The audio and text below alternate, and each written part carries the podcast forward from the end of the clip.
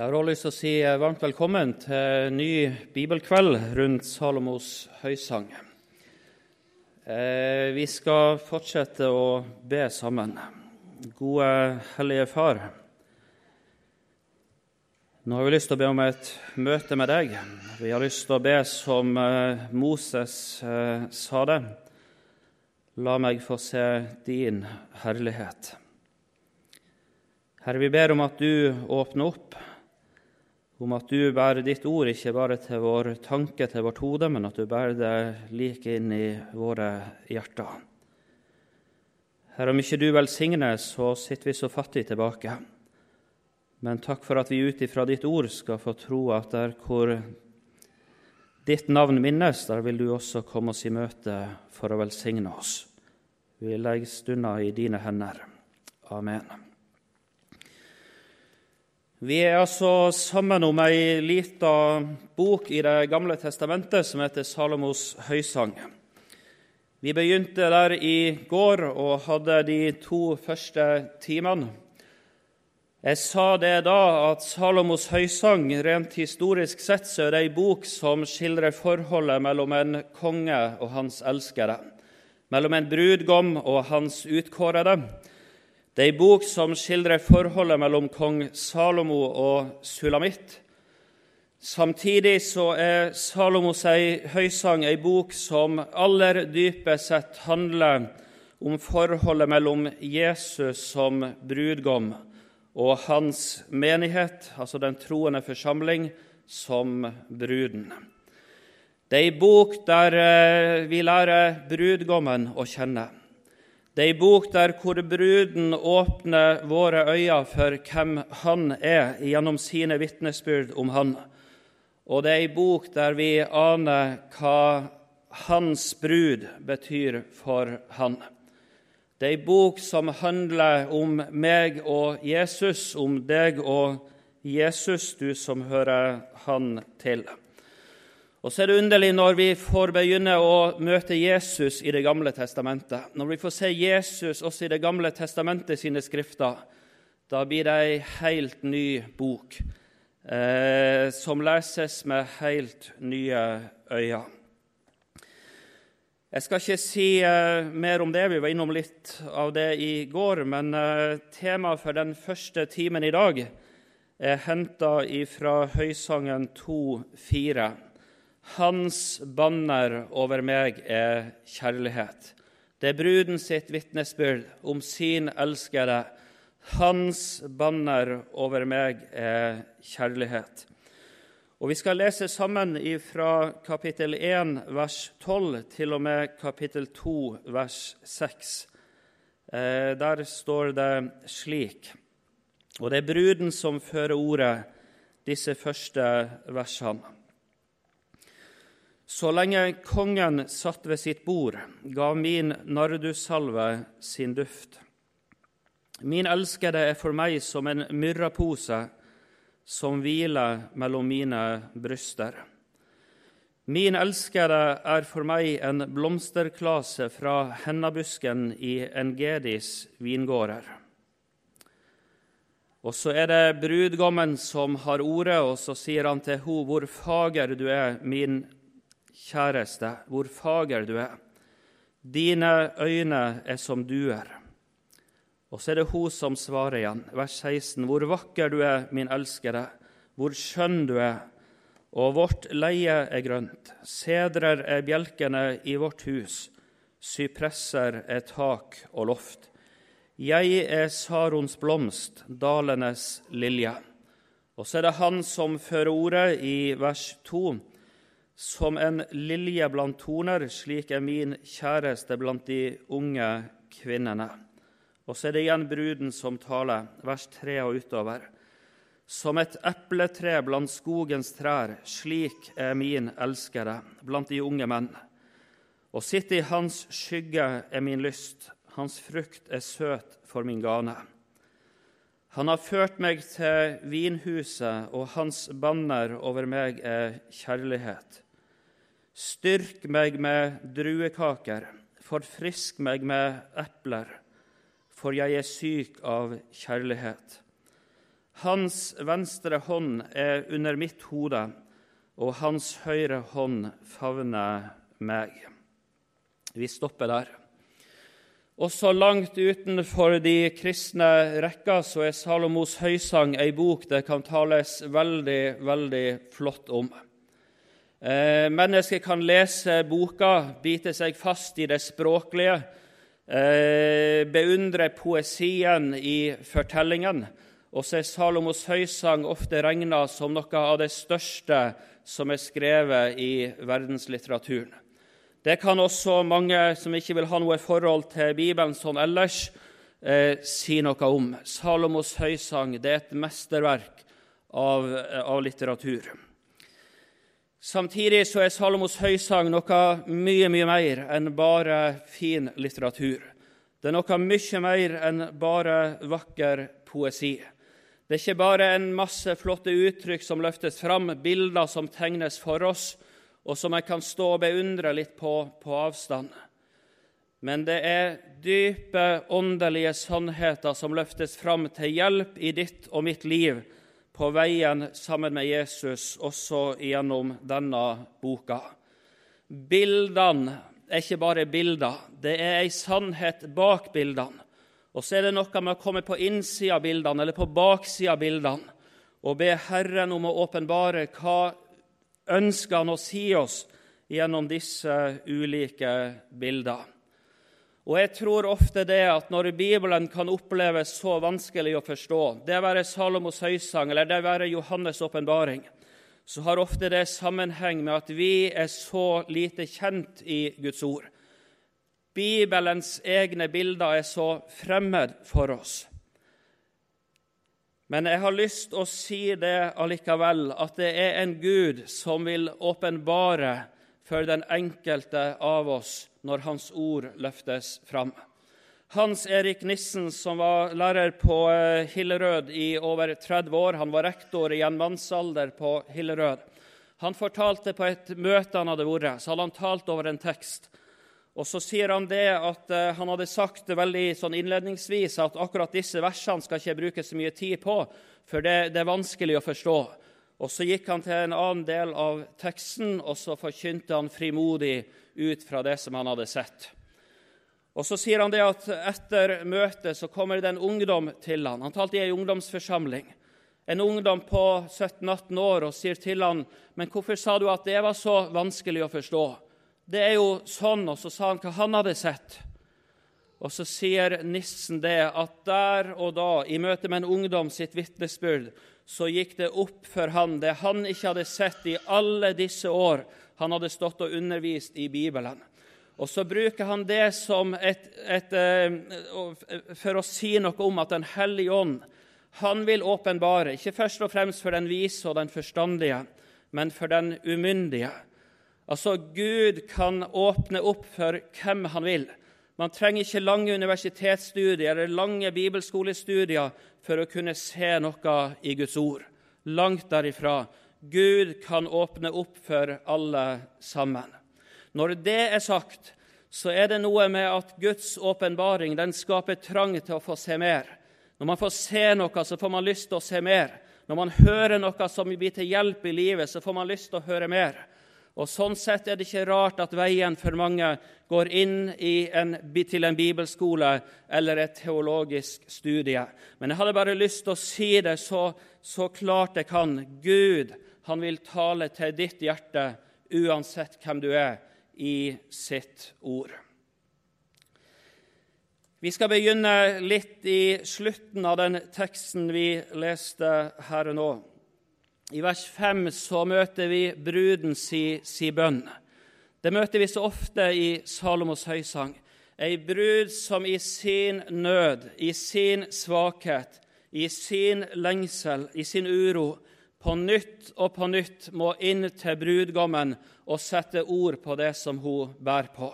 Men også i sin aller største lykke og glede så må hun inn i møte med sin brudgom og få lov å tale ut med med han. Hun sier det sånn i det femte verset her. Styrk meg, sier hun. Slik ber hun. Styrk meg. 2,5.: Styrk meg med druekaker, forfrisk meg med epler, for jeg er syk av kjærlighet. Det er den svakes bønn.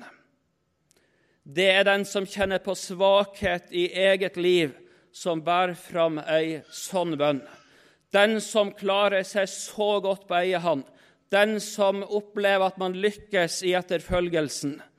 Han har aldri trang til å stige sin brudgom i møte, sin himmelske konge i møte, med ei sånn bønn. Men her møter vi den svakes bønn.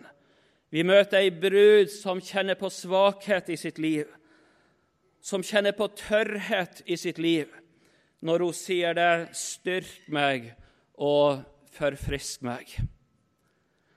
Og så fortsetter bruden i sin måte der hun ber. Hun veit hva hun trenger. Hun veit hva hennes tørre hjerte trenger. Hun veit hva hun trenger midt i sin hjelpeløshet. Hun trenger mer av Han. Hun trenger mer av Han. Hun sier det 'styrk meg, forfrisk meg med, med epler'.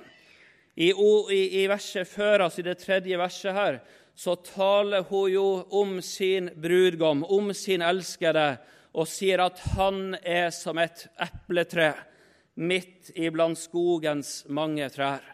Han er et epletre, som et epletre, sier, sier hun. Det er mange flotte trær en kan se i skogen, men det er ikke alle trær som bærer mat inn i livet. Det er ikke alle trær du kan mette deg av. Det kan du i møte med et frukttre, i møte med et epletre. Han er som et epletre blant skogens trær. Slik er min elskede, sier hun.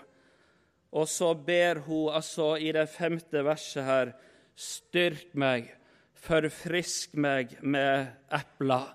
Mer av Han, mer av sin konge, mer av sin elskede. Og det er så mange som lever også så mange år etter at høysangen ble skrevet, men kjenner på den samme lengsel i sitt hjerte. Jeg glemmer aldri barnekoret som sto framme på podiet i Santa Cruz de la Sierra søndag etter søndag, og som så ofte sang sangen der de sier sånn i et av versene Jeg vil ha mer og mer av Jesus. Jeg vil ha mer og mer av Jesus. Og det vet at det var ikke bare ei strofe som de lærte seg, men det var noen unger som fikk høre om han, og som virkelig fikk en trang til å høre mer om han, få mer av han. Og så sang de 'Jeg vil ha mer og mer av Jesus'.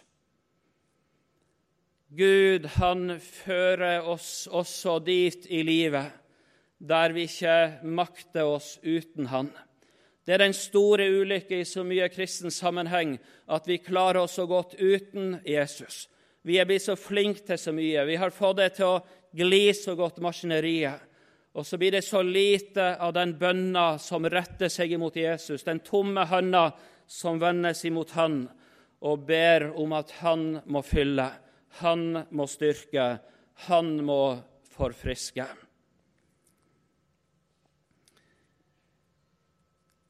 Jeg er syk av kjærlighet, sier hun. Jeg er syk av kjærlighet.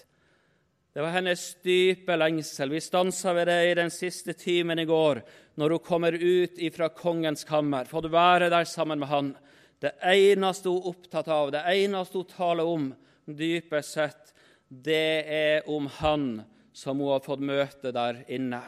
Han som hadde valgt henne ut, denne enkle landsens jenta, eh, og gitt henne plass der hos seg Eh, og kalt henne til si brud. I det sjette verset så sier hun noe om sitt forhold til han, om sitt forhold til sin elskede. Hun skildrer livet sammen med han, og så sier hun det sånn Hans venstre hånd er under mitt hode, og hans høyre hånd favner meg. Bli gjerne med inn i kapittel 8 og vers 3. Der sier hun akkurat det samme på nytt. Hans venstre hånd er under mitt hode, og hans høyre hånd favner meg. Det sier hun. Hans venstre hånd er under mitt hode, og hans høyre hånd favner meg. Det er flott å være også på møter og høre babyskrik. Når det kom inn døra, så var det masse barnevogner som trilla inn. Fantastisk flott. Har du lagt merke til ei mor eller en far som bøyer seg ned i møte med det hjelpeløse barnet? Hva gjør hun eller han da? Da legges som regel den venstre handa under hodet, og så favnes babyen med den høyre handa, og så legges den inn til brystet, så nært inntil en som en bare får til.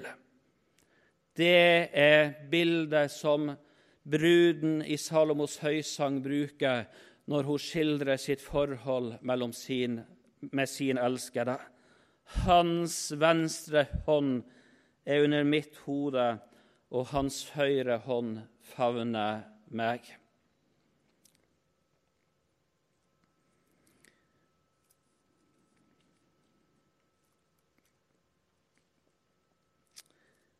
Legg merke til at hun sier ikke det at hans venstre hånd var under mitt hode, og hans høyre hånd favna meg altså i preteritum, i fortid.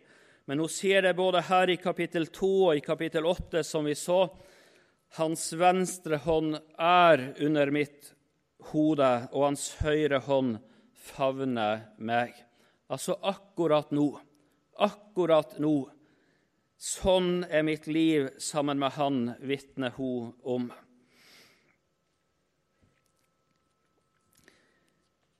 De synger så ofte en sang i de lutherske søramerikanske kirkene. Det er ei setning som synges igjen og igjen. Det er setninga om Han, altså om Jesus.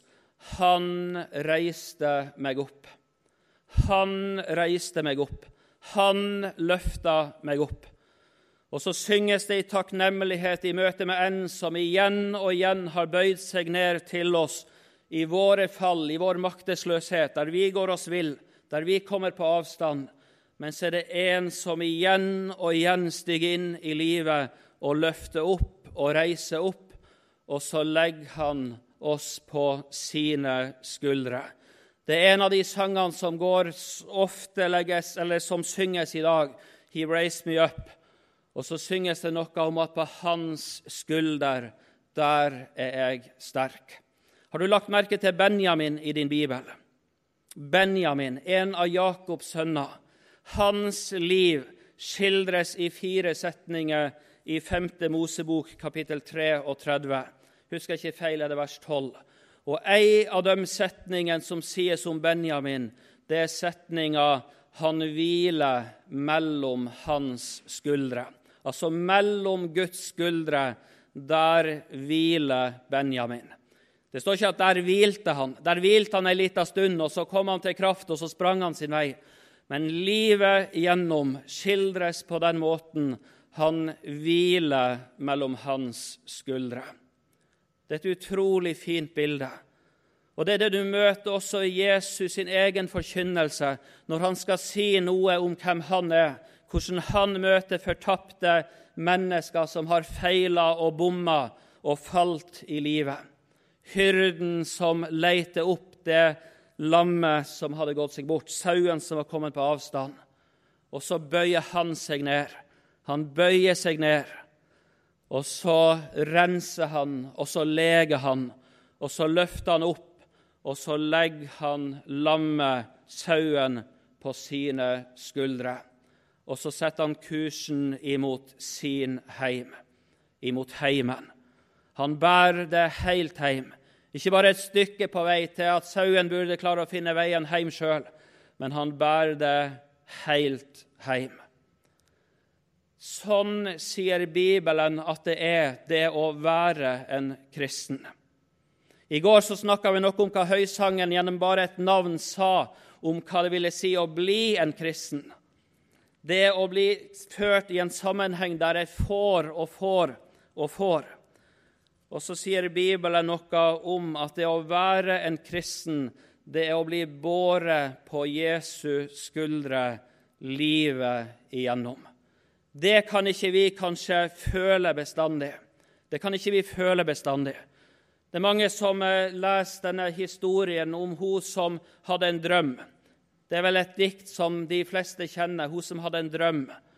Og så drømmer hun at hun ser to par fotspor i sanda.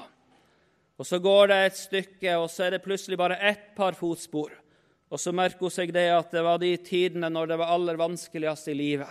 Når de aller verste prøvelsene ramma i livet. Og så spør hun sin Gud, 'Hvorfor forlot du meg da?' Og så svarer han, 'Det var ikke det at jeg forlot deg, det var det at jeg bar deg.' Det var hans fotspor som vistes i sanda. Han bar henne gjennom det tyngste i livet. Det var ikke hennes fotspor som hun trodde at hun gikk forlatt og ensom i livet. Men Bibelen sier noe mye mer enn at han bare bærer gjennom det tyngste i livet. Når Bibelen ser tilbake og taler om israelsfolkets historie, hele deres vandring i ørkenen på vei imot det lovede land, så står det om Gud at han bar dem alle den gamle tids dager. Alle dager. Alle den gamle tids dager så ble de båret av Gud. Og så sier bruden i Salomos høysang Hans venstre hånd er under mitt hode, og hans høyre hånd favner meg. Og så er det en Gud som vil dra oss inn til sitt hjerte og la oss ligge der på hans skuldre. Det er noe forunderlig, det. Tenk deg et lam som ligger på en hyrdes skuldre. Han kommer aldri så nær hyrdens øre, som når han får lov å ligge der på skuldra til sin hyrde. Det er ikke et sukk ifra lammets eh, liv som går hyrden hus forbi. Alt høres. Heller kan aldri lammet få komme nærmere hyrdens munn enn når den får ligge der på hans skuldre. Og så sies det altså om Benjamin han hviler han hviler. Det var det hun lengta etter i kapittel 1. Hun spør hvor vokter du jorden, hvor lar du den hvile ved middagen? Og så, sier, så sies det noe i Guds ord om at hvilen den finnes hos Han, i samfunnet med Han. Han hviler mellom hans skuldre. Vi blar oss opp til det fjerde verset. Her eh, er temaet for kvelden henta. Hun sier det sånn, også om livet sammen med han. Hans banner over meg er kjærlighet. Hans banner over meg er kjærlighet.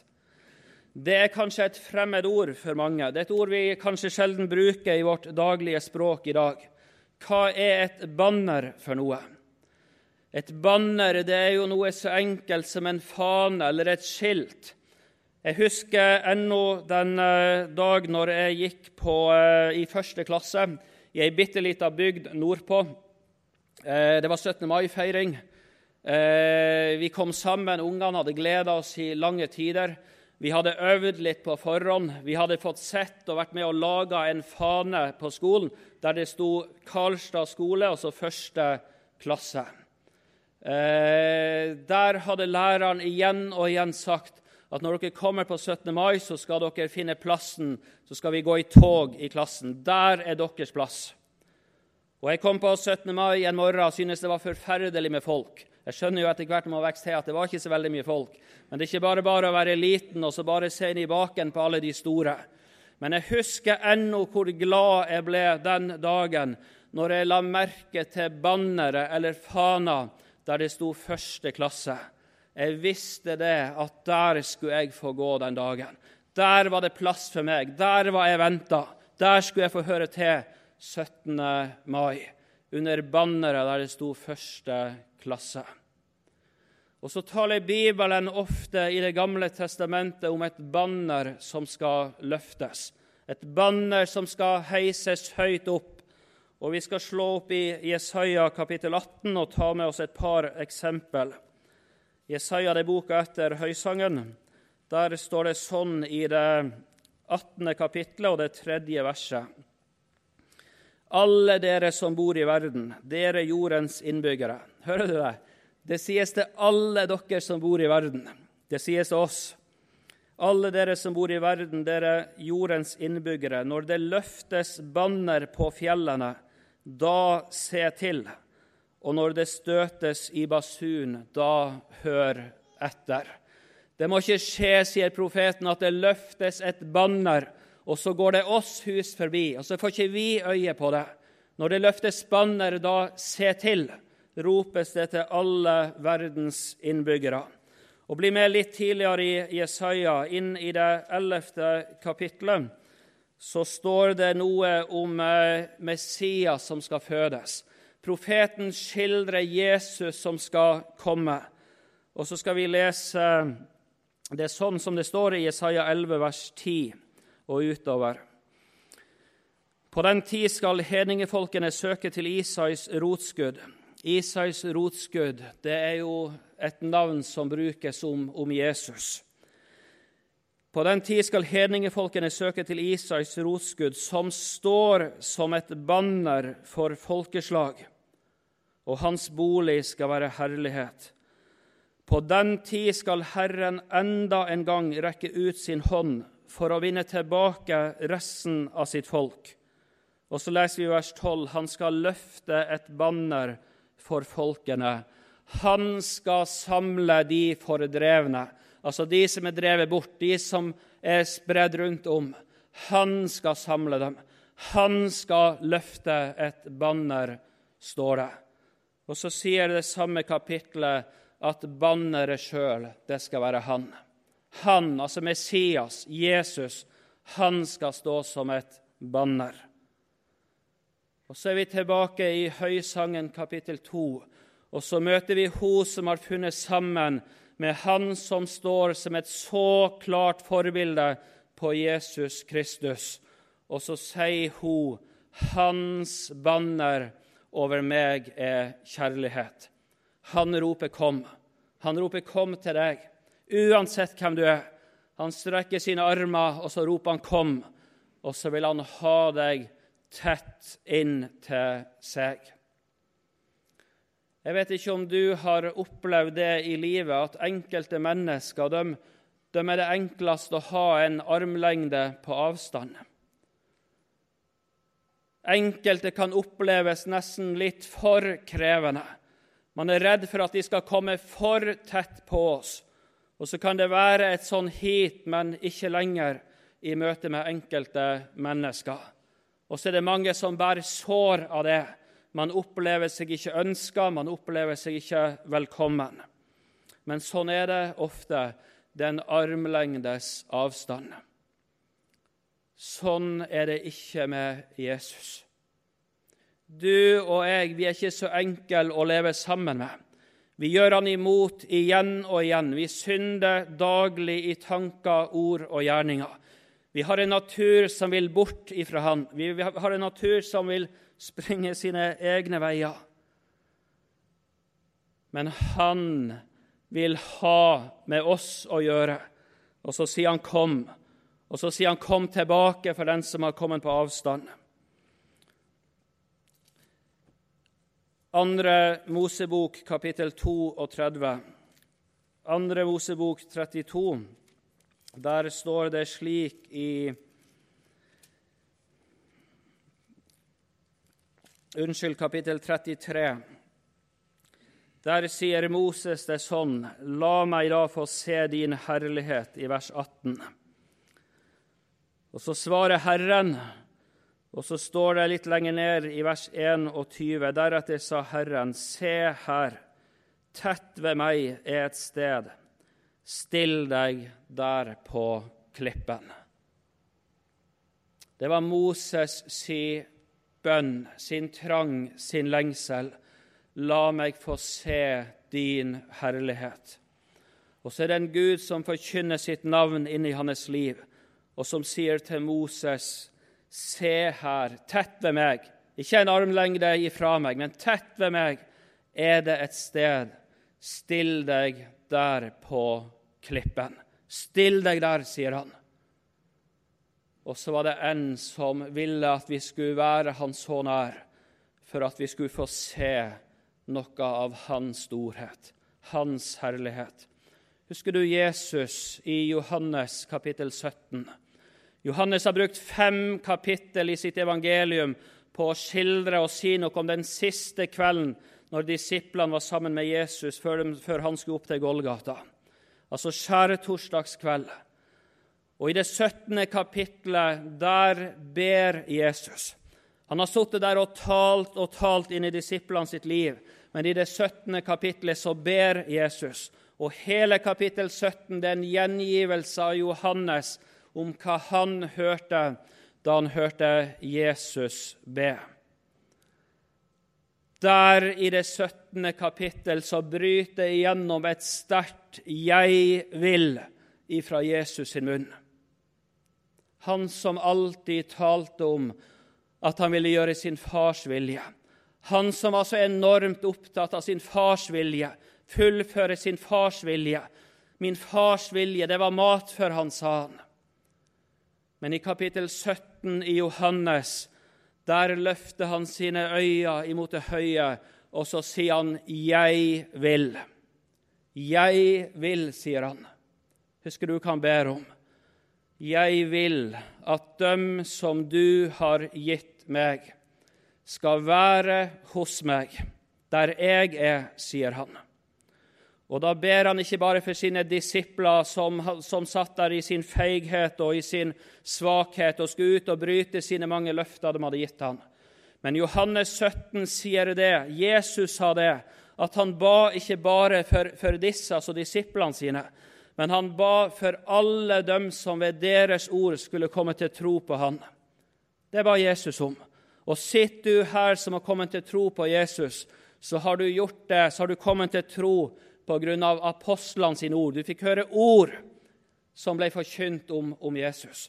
Jesus sitter og ber for deg den siste kvelden.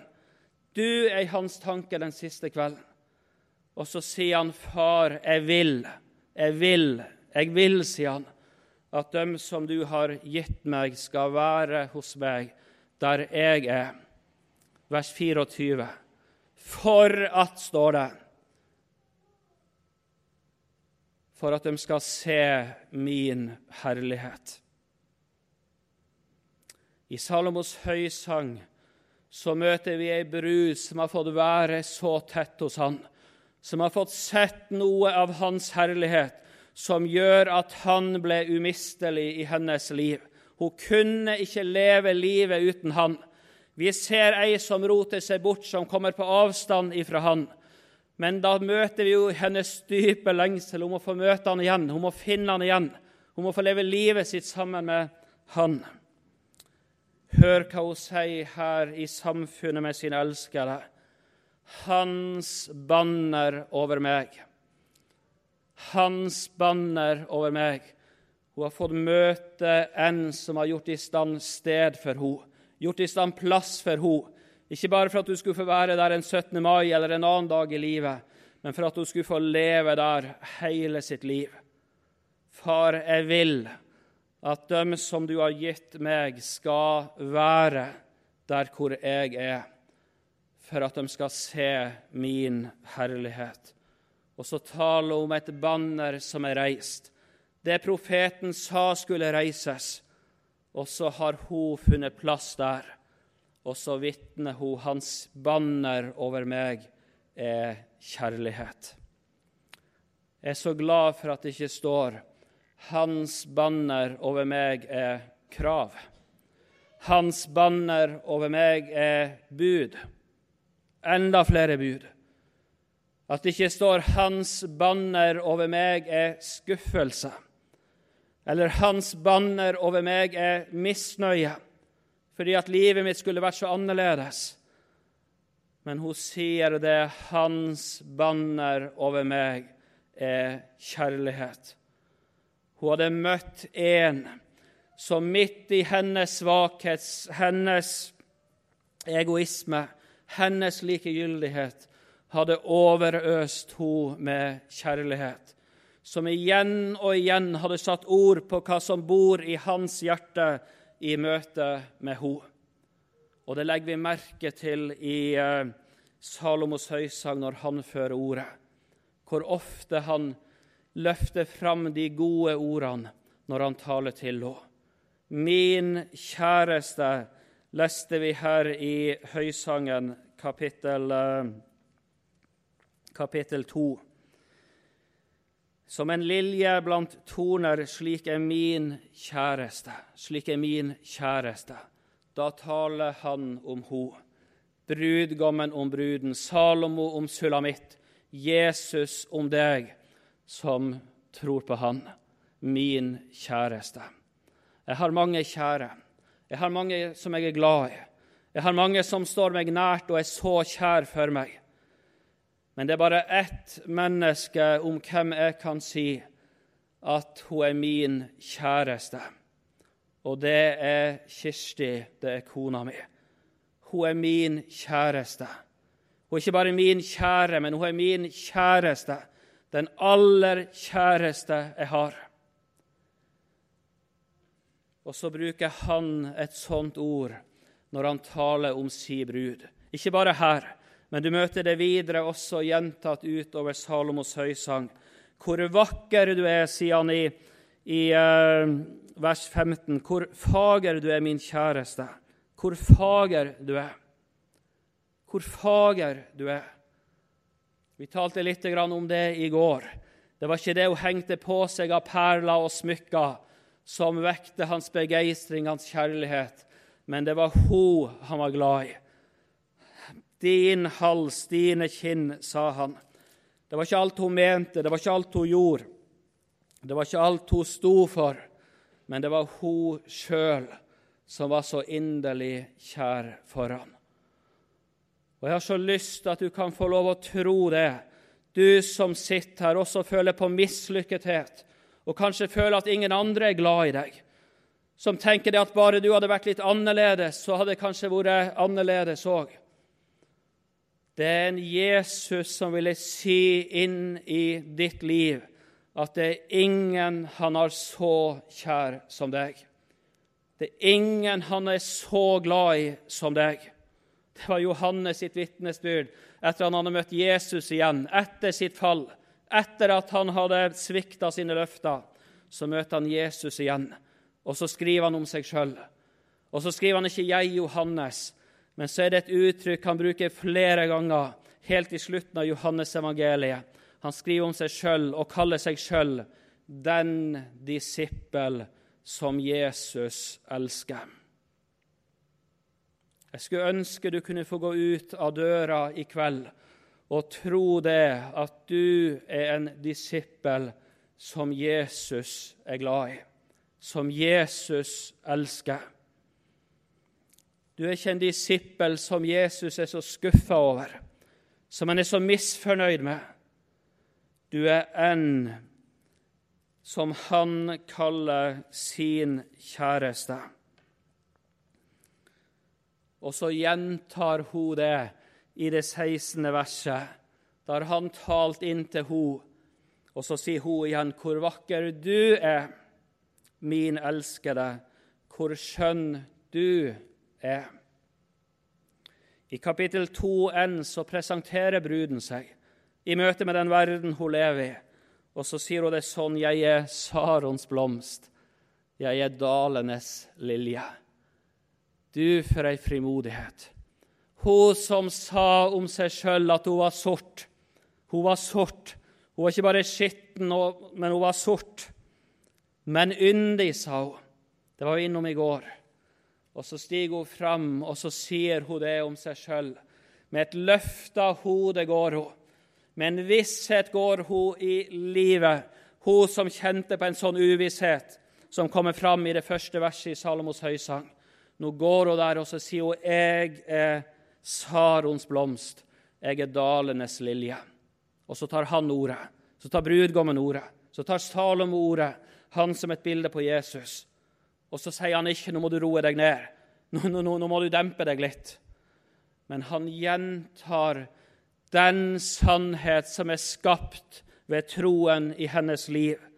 Og så sier han som en lilje blant torner, slik er min kjæreste blant de unge kvinner. Jeg hadde så lyst til å si deg, du er elska av Gud. Du er elska av Jesus. Du kan lukke ditt øre for han. Du kan vende han ryggen og springe fra han. Du kan hindre han i så mye i ditt liv, men du kan aldri hindre Jesus å være glad i deg.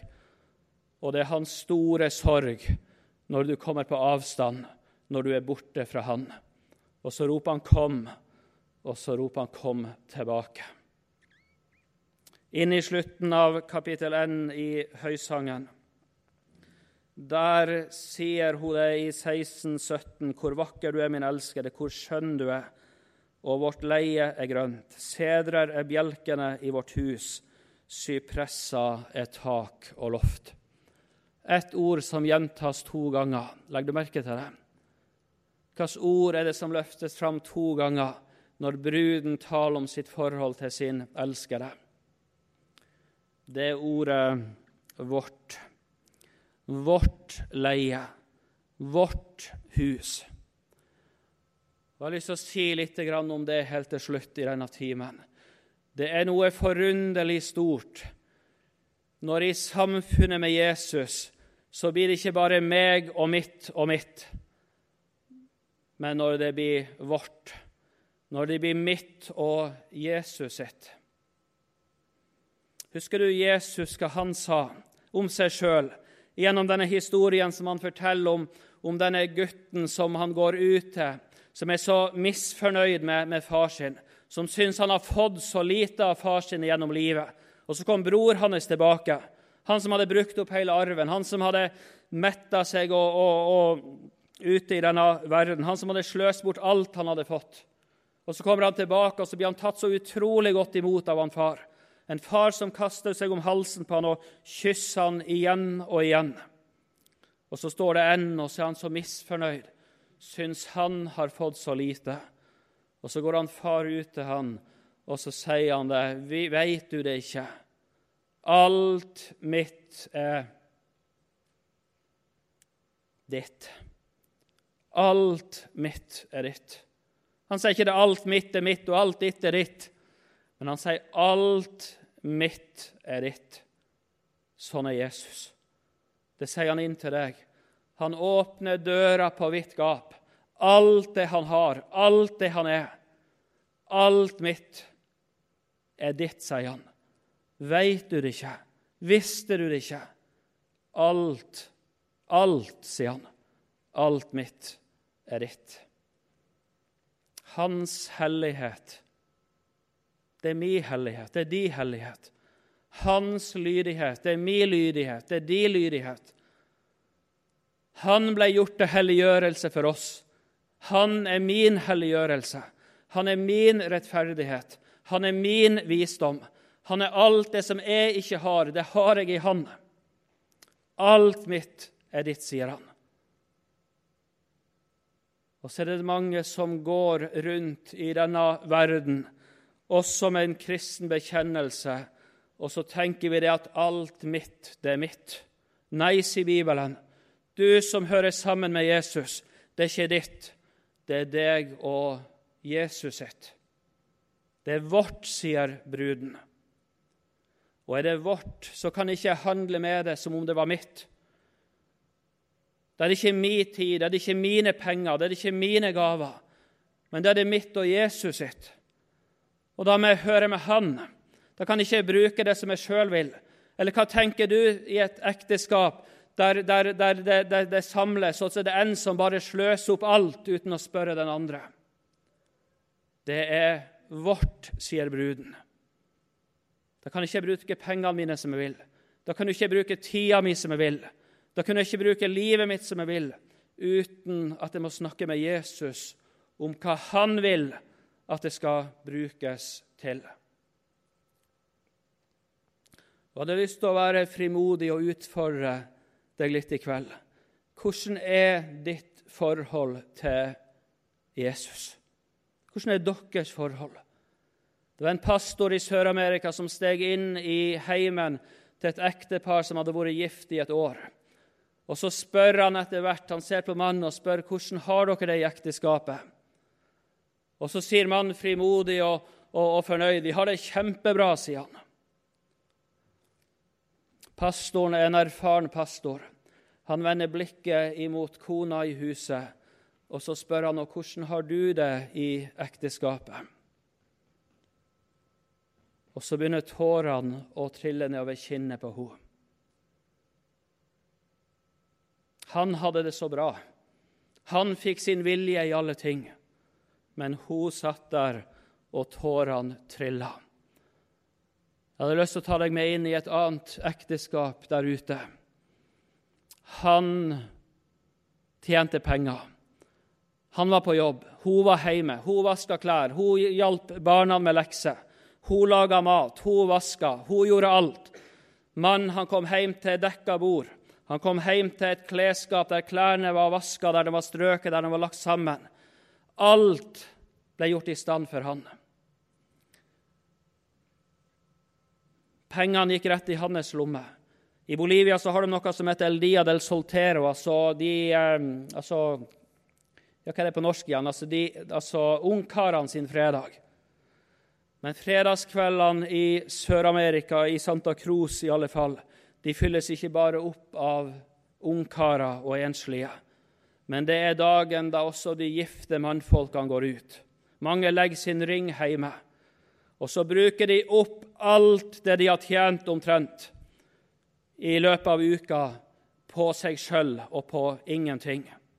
Hjemme så sitter ei kone fortvilt, så vidt det er penger å kjøpe mat for, så vidt det er nok til å kjøpe materiell til, til skolen for ungene. Iblant så prøver hun å ta ordet og spørre sin mann går det ikke an å snakke om det her. Kan ikke bli annerledes? Hver gang hun vil nå inn til han, så skrur han bare opp volumet, slik at hennes bønn drukner i ropet fra disse galne fotballkommentatorene i Sør-Amerika. Hvordan har du og Jesus det? Ja, vi har et fantastisk vitne du kanskje om.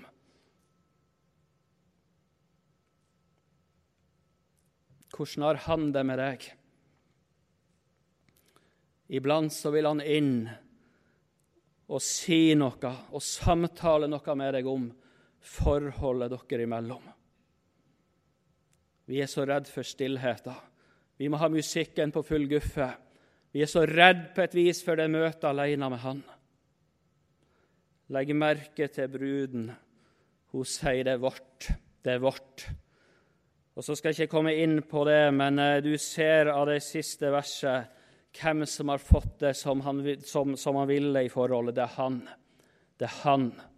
Sedra er bjelkene i vårt hus, sypresser er tak og loft. Jeg skulle sagt noe om det, men eh, tida har gått. Vi skal ta pause nå. Og så fortsetter vi om et kvarter cirka.